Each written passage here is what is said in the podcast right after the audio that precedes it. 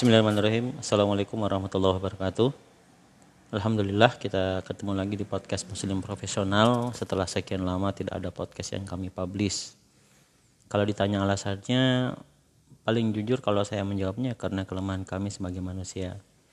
Oleh karena itu kami mohon maaf kepada pendengar sekalian dan atas ini juga kami beristighfar kepada Allah Subhanahu wa taala. Semoga Allah Subhanahu wa taala mengampuni kesalahan yang kami lakukan. Eh, teman-teman uh, sekalian, podcast kali ini masih berada dalam suasana Lebaran 1442 Hijriah, tepatnya menjelang berakhirnya libur Lebaran. Tentunya banyak di antara kita yang mungkin bersedih karena liburan akan segera berakhir. Khususnya bagi teman-teman yang tempat bertugasnya itu terpisah dari keluarga. Walaupun bagi yang tidak mudik karena adanya larangan pemerintah dan mungkin internal perusahaannya juga melarang hal tersebut, kesedihan itu mungkin akan berkurang dengan masuknya kerja karena tidak mudik saja sudah menjadi kesedihan tersendiri yang lebih buat mereka. Tapi teman-teman sekalian, eh, kondisi tiap orang itu akan sangat berbeda ya. Tergantung bagaimana kondisi dan yang lebih penting bagaimana cara kita menyikapinya. Tidak mudah memang ya, tapi mau tidak mau harus dijalani. Ketika kita sudah bekerja, ya harus kita jalani karena itu pilihan yang Allah Subhanahu wa taala berikan kepada kita. Kita jalin dengan penuh kesyukuran, ya mau tidak mau ya, dan semangat. Karena sering kali saya sampaikan sebagai motivasi bagi diri pribadi juga, mau kita mengeluh atau kita bersyukur, tetap saja akan sama-sama lelah. Bedanya pada apa yang kita dapatkan kemudian. Mengeluh kita dapat sakit hati dan bisa jadi dosa karena kufur nikmat. Bersyukur kita dapat pahala dan insya Allah bertambah nikmat gitu. Nah teman-teman sekalian, kalau kita renungkan baik-baik ya, yang namanya nikmat libur itu itu kita bisa rasakan karena kita bekerja. Coba kalau kita atau teman-teman libur terus gitu, pasti tidak enak, ya kan? Bahkan banyak di antara teman-teman kita yang saat ini ingin sekali punya pekerjaan seperti yang kita rasakan atau teman-teman rasakan gitu, tapi belum bisa, ya, karena memang belum ada pekerjaan. Mereka masih sibuk melamar sana, melamar sini gitu, tapi memang belum rezekinya diterima mungkin teman-teman mendengar ini seperti motivasi zaman dulu gitu ya. Dan saya yakin teman-teman juga sudah sering mendengar motivasi seperti ini. Karena eh, dalam tahapan kita saat sekarang ini, teman-teman yang sudah bekerja lama di sebuah perusahaan ataupun dia sudah berpindah-pindah perusahaan, teman-teman pasti motivasinya sudah sudah beda gitu ya. Mungkin bukan lagi uh, full materi, walaupun teman-teman juga saat sekarang ini tidak bisa mandiri juga. jadi tidak bisa mandiri karena memang e, ketergantungan materinya masih di situ gitu. Ya. Mungkin teman-teman bisa e, keluar gitu lalu kemudian bekerja atau e, berusaha tapi mungkin akan sangat berbeda dengan teman-teman yang sudah merasakan kenyamanan ini. Nah kenyamanan ini teman-teman syukuri dengan semangat gitu. Ya. Karena teman-teman mungkin merasa sudah mapan secara finansial tapi tadi yang saya bilang mungkin juga untuk mandiri usaha juga belum bisa gitu dan ada data terbaru teman-teman sekalian yang menunjukkan bahwa saat sekarang ini jumlah entrepreneur kita itu UMKM kita itu sudah lebih banyak daripada jumlah karyawan. Tapi masalahnya skalanya sangat mikro, sangat kecil gitu sehingga mereka untuk survive di tengah usaha itu sendiri itu uh, sulit sekali gitu ya. Yang bisa survive itu uh, yang punya modal besar dan punya backup penghasilan gitu itu. Jadi eh, kalau misalnya dia mau mengendalikan usaha ya kalau misalnya usahanya belum mapan usahanya belum jalan dengan baik gitu ya itu juga tidak mudah teman-temannya. Tidak mudah.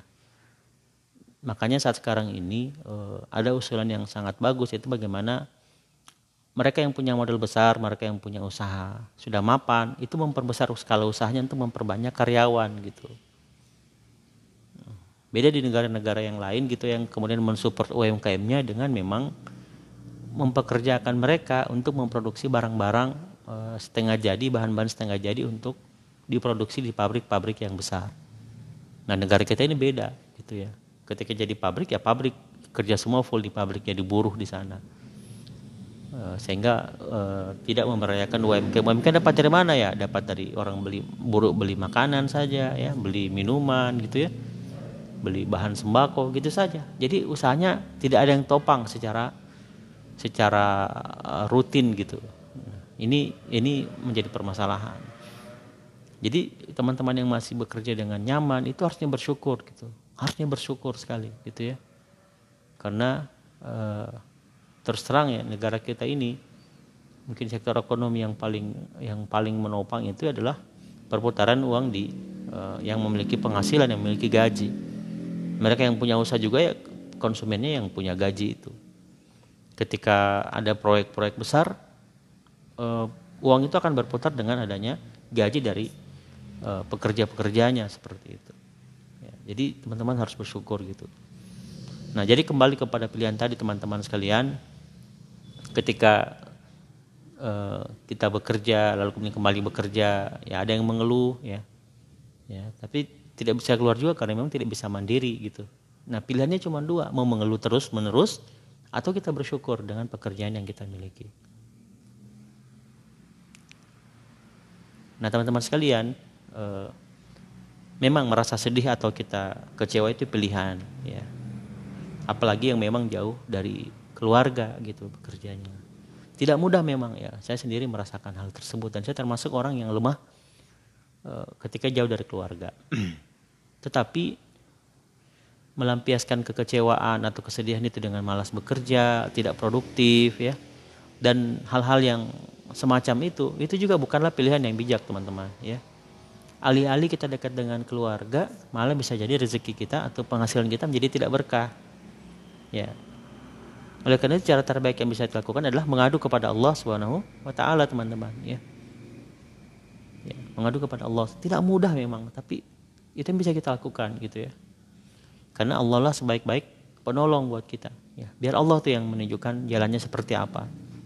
Ya, membolak-balik hati pimpinan kita kah yang mengingatkan kita atau atau bagaimana jalannya gitu kalau memang itu yang terbaik buat kita gitu ya dan buat teman-teman yang sudah dekat dengan keluarga ya minimal bisa ketemu sekali sepekan misalnya ya itu harusnya lebih bersyukur ya lebih produktif dan lebih semangat dalam bekerja jangan jangan lupa juga banyak berdoa kepada Allah agar dimudahkan segala urusan gitu ya ada sebuah doa yang sangat uh, bagus dari Rasulullah SAW Eh, Allahumma ya hayu ya qayyum bi rahmatika astaghits wa aslih li sya'ni kullahu wa la takil ila nafsi tarfatain. Saya dicari nanti. Ya.